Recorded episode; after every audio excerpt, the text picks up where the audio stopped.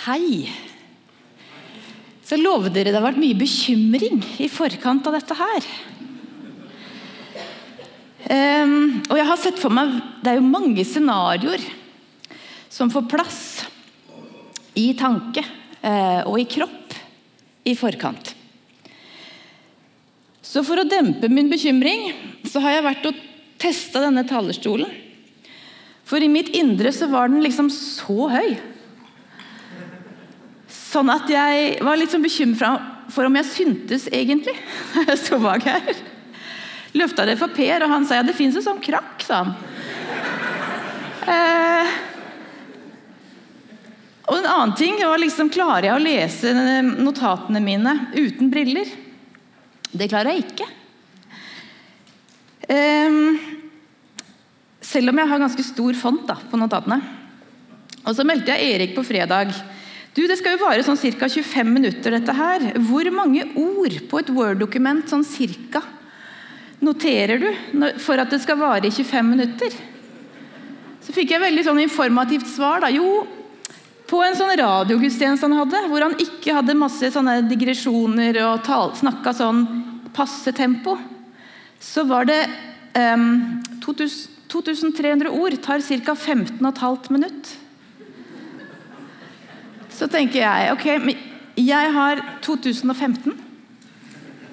Så det er rom for litt digresjoner da, og, og tempojustering underveis. Og så dukka det opp en sånn bekymring idet jeg våkna i natt, nei, i morges. Og det var det at jeg skjønte at jeg hadde sovet sånn at jeg hadde en sånn dobbel sovestrek. Herfra og fram til hit. Og på yngre dager så tok jo det en time, eller noe sånt, så var det over. Men når jeg gikk og sjekka i speilet sånn rett før jeg begynte her, så, så ser man fremdeles da, to sånne streker. Som resulterer da i at sant, jeg er alltid kald på hendene. Nå er jeg svett. Jeg har høy puls, tørr i munnen. Dere kjenner, dere, kjenner, Jeg håper noen kjenner seg igjen i dette her som bare liksom ruller av gårde. Men den største bekymringen det var den Rita nevnte også, at, at det er fjerde søndag vi skal snakke om å ikke være bekymra. Er det noe mer å si?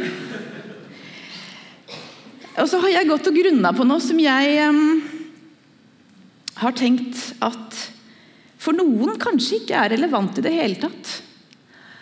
Og da blir det en ny servering av Guds ord neste søndag. Som du kan få noe da. Men jeg tror at for, for noen så håper jeg at det jeg skal dele og jeg har gått og grunna på, kan hjelpe deg litt nærmere på veien sammen med Jesus. Det er det jeg ønsker. Og jeg har, eh, Nå får jeg lov å være daglig leder for Abelsund nærmiljøsenter, men jeg har gjennom mitt liv jobba med ganske mange mennesker som strever med ting. Eh, og så har liksom mitt, mitt eh, si, ønske for livet eller, eller jobben det, det er at tenk, tenk om jeg kan få være en sånn som senker terskelen for at mennesker tør å, å gå ut i hverdagen og være seg sjøl. For for mange så er det å være seg sjøl der ute det er litt sånn ekstremsport. For, for, det er så mye som er av det som jeg kanskje beskrev innledningsvis, innledningsvis at det, det foregår så mye inni her. Så det dere skal få servert i dag jeg, fra Min mann Ole han trakk fram dette her for lenge siden. sikkert lånt fra noe annet, men det, dette dere skal få i dag, det er sånn kjøkkenteologi. Og Det betyr at den er ikke eh, Den er helt uten faglig utdanning i teologifaget. Men basert på ganske mye erfaring med bekymring. Og med det å være menneske sammen med Jesus.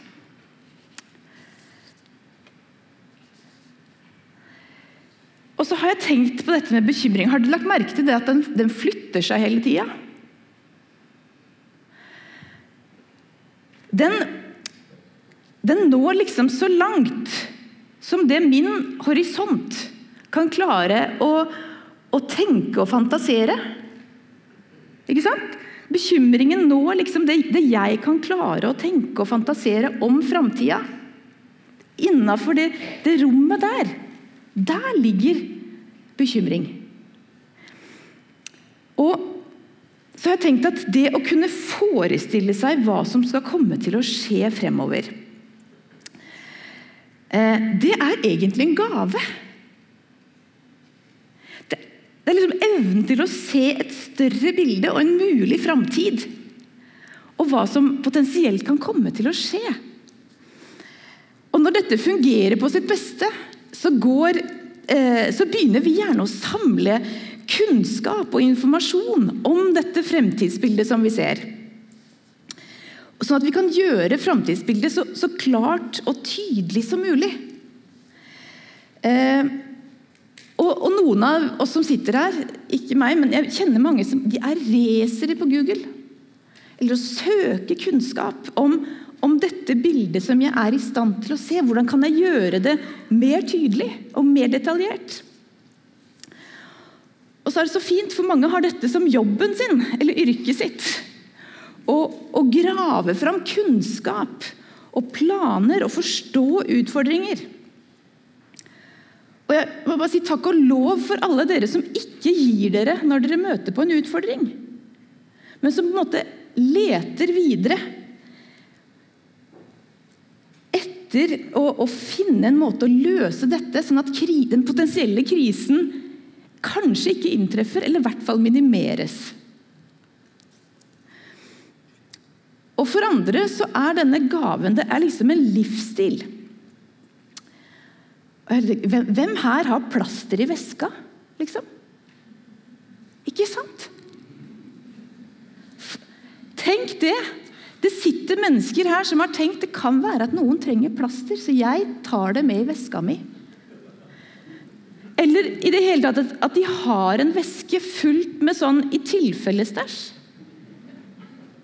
Og Noen har til og med tatt med en så stor veske at de har plass til det som alle familiemedlemmer plutselig kommer og har behov for å legge fra seg. Og da har man væske som rommer det som også andre har behov for å legge fra seg.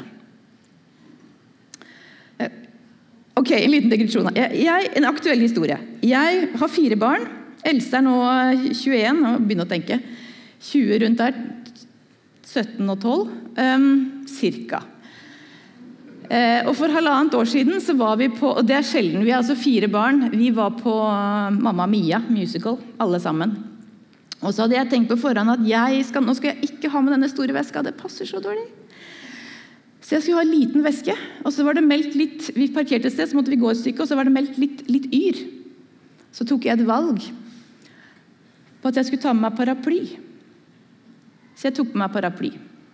Og I første pause så spør han sønn, 19 år, 'Mamma, har du vann?' Og så tenkte jeg, så sa jeg, nei, vet du hva, jeg prioriterte paraply.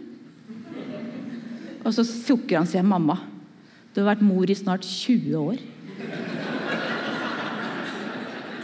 Og jeg har båret så mange liter med vann jeg, i den veska.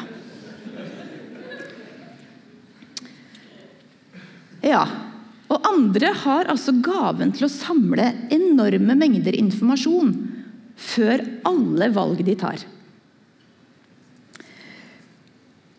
Og tanken om at det må finnes en ideell måte å løse dette på, den liksom driver dem til research, graving, leting.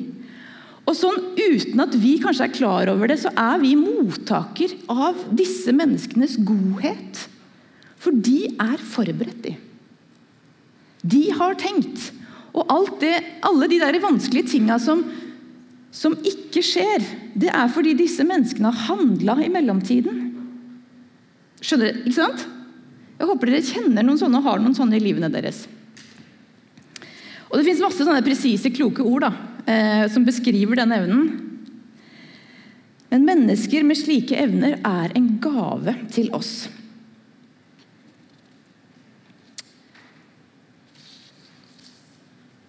Så kan man si, Hva har dette da med bekymring å gjøre? Det er jo det det skal handle om.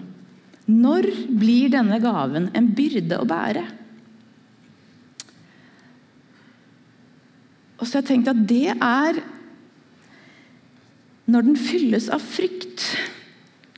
Eller at vi mister av syne en mulig løsning. Eller at, at mine løsninger surrer seg sammen. Sånn at jeg hele tida må være på vakt. Og, og at, at, kroppen og tanken blir så overvelda at det eneste jeg klarer å stå og, og liksom se i, mitt, fremtidshorisont, det er bekymring. Og jeg er ikke så særlig stø på gresk. Jeg kan ingenting. Men eh, min mamma har utrusta meg med en bok. Har, noen av dere har, jeg har hørt om den før. Norsk etymologisk ordbok. Boken om ordenes opprinnelse. Den veier 2,6 kilo. Og den liker jeg veldig godt. Og så tenkte jeg, ok, men ja, Der går jeg når det er et ord. Hva ligger liksom dette, bak dette bordet, nei, ordet? Hvor kommer det fra? Og der var det liksom bekymre. Det kategoriserer da under menneskelige egenskaper. Og kommer fra lavtysk 'bekummer', som igjen da kommer fra kummer. Så tenkte jeg kummer. Og der står det Kummer, det bærer i seg sorg, nagende sinnsuro, nød, trengsel ruinhaug, grus eller en haug med felte trær. Og, kan, og så tenkte jeg, men jeg kjenner det jo fra, fra kummerlig. Når noe er kummerlig, da står det dårlig til. Så det her, vær ikke bekymret. Da. Det, det rommer liksom ikke Gå ikke rundt med en nagende sinnsuro. Eller vær ikke en haug med felte trær. Det ligger liksom i dette ordet bekymre og bekymring. Og For noen av oss så er det sånn at når, når denne frykten får stor plass i det fremtidsbildet vi klarer å se fra der vi står, så kveler den Den har kraft i seg til å kvele livet og livsgleden liksom her og nå. For vi er allerede der framme i dette bildet hvor jeg ikke helt klarer å se løsninga. Og så vet jeg at mange av oss vi bærer på så tunge fremtidsbilder at det liksom er umulig å ikke bli redd. Og vi kan kjenne det i kroppen. Uro, engstelse. Tung, vanskelig å puste. Skjelven utmattelse. Og For andre av oss så sitter vi liksom fast i en sånn kontinuerlig søken og forsøk på å unngå det vonde. For hvis jeg bare holder meg liksom travel og opptatt og søker, så, så slipper jeg liksom å gå, gå, inn i det. Og Det blir litt sånn liv på høygir. Vekk fra det som er vondt. Og så er det så mange liksom perspektiver og nivåer på dette med bekymring. Alt fra, ikke sant, som jeg sa innledningsvis, hva, hva, gjør det om jeg hadde måttet til og med gått og henta brillene når jeg sto her? Hvis jeg, oppdag, hvis jeg, ikke hadde forberedt meg med å oppdage det her? Det, noen bekymringer er på et sånt vet du hva, det, det går, det løser seg. Andre er store og tunge. Og så har Jeg tenkt, jeg vil spesielt trekke fram ett perspektiv i dag, og det er bekymring som på et vis knytter seg til relasjoner.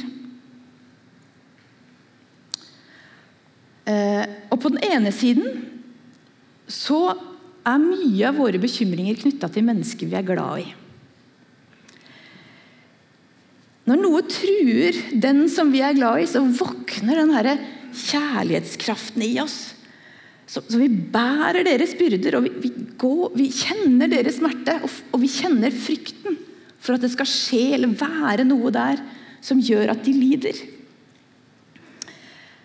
Og et av de aller fineste og tyngste øyeblikkene i en arbeidsdag her i Oslo misjonskirke som jeg får lov å være med på, det er når vi, når vi leser og ber for bønnelappene her i kirka.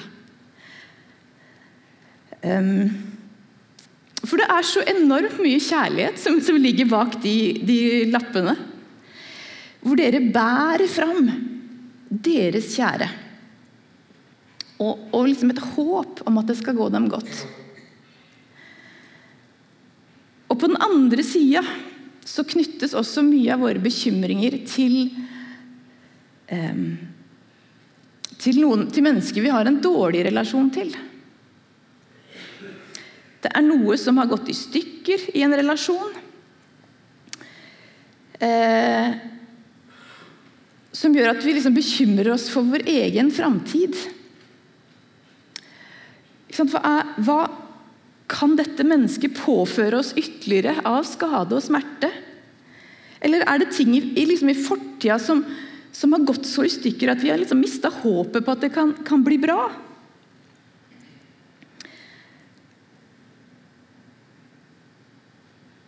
Og slike relasjoner blir ofte en sånn, sånn, en langvarig, tung sånn bekymringsbyrde å bære. Og så, så, står, så står, disse liksom provoserende versene der. Midt blant ord om fugler og liljer og poesi, så står liksom ordene der 'vær ikke bekymret'. Og skjønner Jesus egentlig hva han ber oss om? Det står Vær ikke bekymret for livet, hva dere skal spise eller hva dere skal drikke. Heller ikke for kroppen, hva dere skal kle dere med. Er ikke livet mer enn maten og kroppen mer enn klærne? Se på fuglene under himmelen. De sår ikke, de høster ikke og samler ikke hus. Men den far dere har i himmelen, gir dem føde likevel. Er ikke dere mer verdt enn de? Hvem, dere, kan, hvem, av dere kan vel med all sin bekymring legge en eneste alen til sin livslengde? Så vær ikke bekymret. Jeg vet mange som hører dette som en sånn herre Nok en ting. Jeg skal, hvis jeg bare skjerper meg, så skal jeg slutte å bekymre meg. Det er en ting vi skal gjøre. Og da så tenker jeg at Det er jo Jesus som sier dette. Hva er det han har tenkt?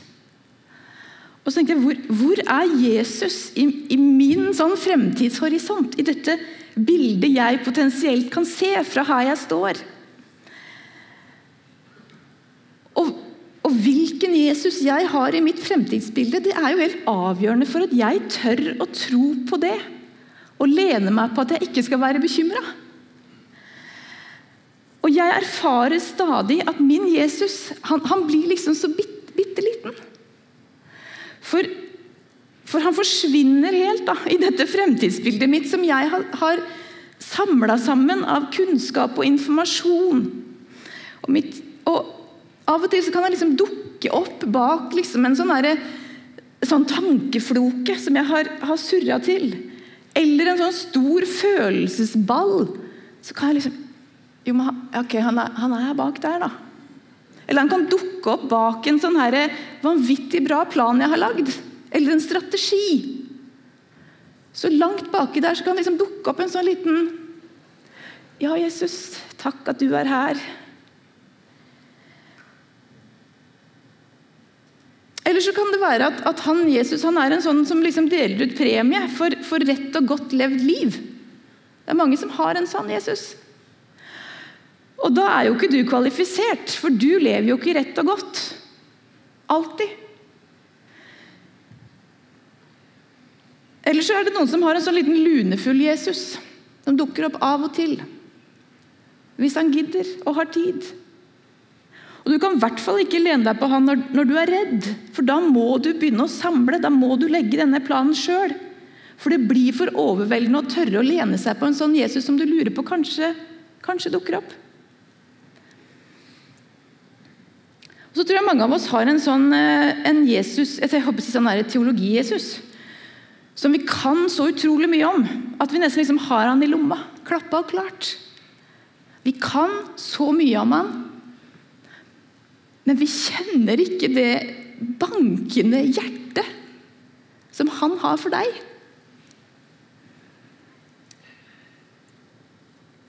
Og svigermor og svigerfar de har elleve barnebarn til sammen. Den eldste er 29, og den yngste er 12. Og våre fire barn er liksom de fire siste i denne rekka. Men allerede tidlig så skjønte jeg at svigermor betaler barnebarna for å lære seg bibelvers. Og så tenkte jeg at det er egentlig en veldig, veldig Det er en investering jeg har veldig sansen for.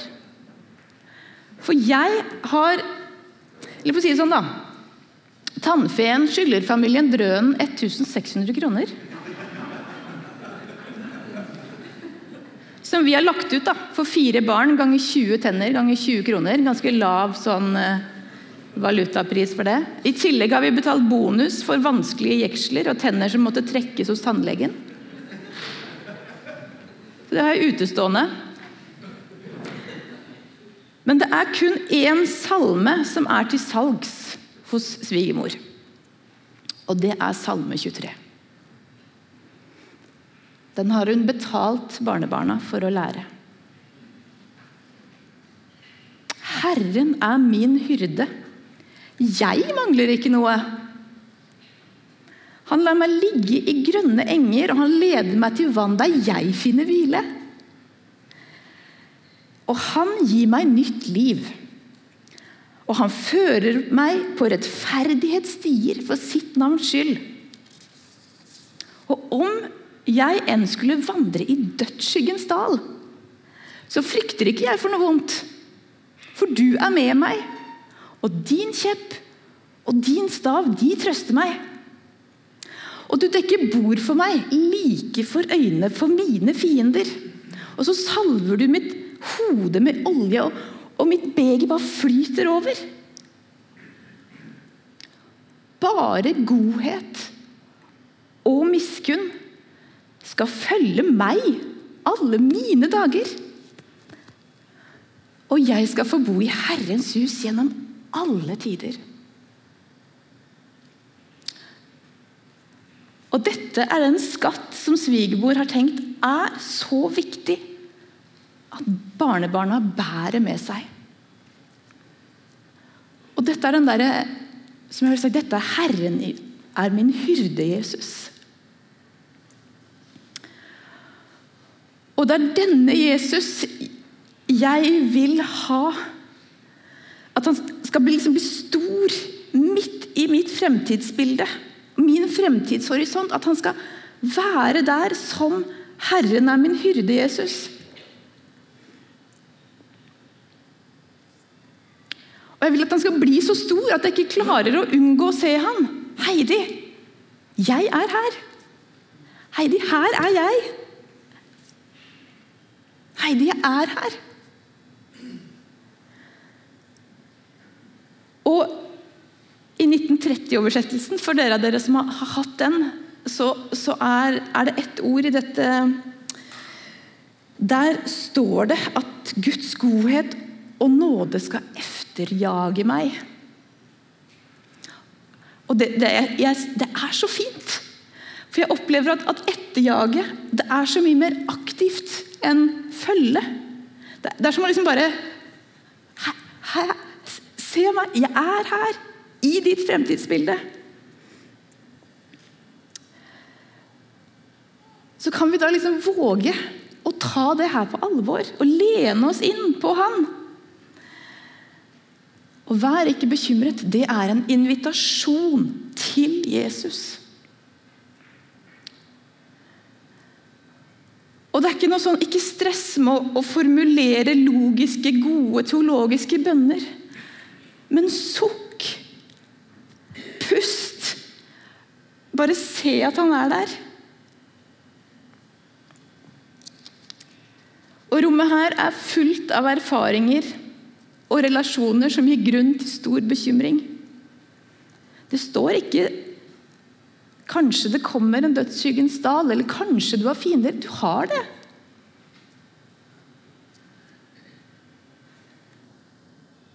Men du er invitert til å, å la dette bildet du liksom klarer å bygge sjøl, bli fulgt av en Jesus som sier bare godhet og miskunn. Jeg jager etter deg med det hver dag. Hele tiden. Så jeg tenker, Fortsett også å bruke gaven din. Planlegg. Løs utfordringer. Ta med plaster. Men la det også være et stort rom for Han som jager etter deg med godhet og nåde. Så står vi da også i en sånn lang eh, Og det, det syns jeg er så befriende godt. Det har blitt snakka om før her, at, at, i bekymring så er vi ikke aleine. Vi skulle bare visst hva vi bærer på sammen. Og så står vi også i en lang lang historisk og tradisjon av mennesker som går rundt og strever. Og det er mennesker som oss, som er liksom bekymra til randen. Og som er mer enn vi kan bære. Men for over 120 år siden så var det en mann som skrev en salme om dette. Og, og Den første vi sang her, også tenkte jeg wow, denne, denne, må jeg grunne mer på. Men den som har vært en sånn livlinje for meg, det er, det er den salmen 'Lær meg å kjenne dine veier'. Og den er så full av dette temaet her så jeg har bare plukka ut noen helt få strofer, for den i seg sjøl kunne vært mange taler. Men, men jeg har noen, noen setninger som jeg tenker dette er det jeg står på, sammen med alle de som har gått foran, alle de som kommer etter, alle de jeg lever med nå. Og i andre vers så står det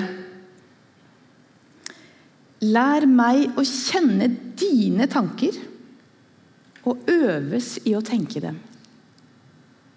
De, lær, lær, meg Det er ikke noe vi liksom Vi må trene på det. Lær meg å kjenne dine tanker og øves i å tenke dem. Du er der, Jesus. Og når i angst mitt hjerte banker, da må du kalle motet fram. For når jeg har tenkt meg trett til døden og det er jo det vi gjør. Så si så hva du har tenkt, o Gud. Og det er liksom litt sånn, Så kommer det så mye mer, men det tenkte jeg, det, det får holde. De, de setningene der er, de er så fulle av av dette her Jesus midt i framtidsbildet. Og så begynner siste vers, som er liksom selve livlina eh, i dette her. Så står det Men lær meg fremfor alt å kjenne din grenseløse kjærlighet.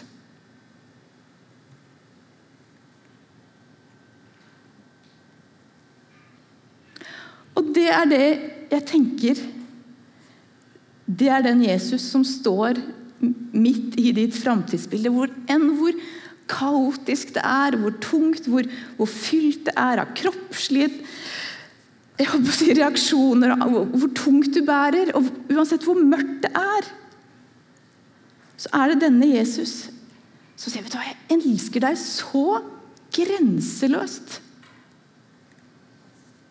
Og det er mitt håp, og det jeg hadde lyst til å dele i dag det er at midt i ditt fremtidsbilde, fra i den horisonten du klarer å se, så håper jeg at du kan få lov til å se at Herren er min hyrde. Jesus liksom fyller mer og mer og mer av det rommet. Og at det blir plass til hans grenseløse kjærlighet for deg.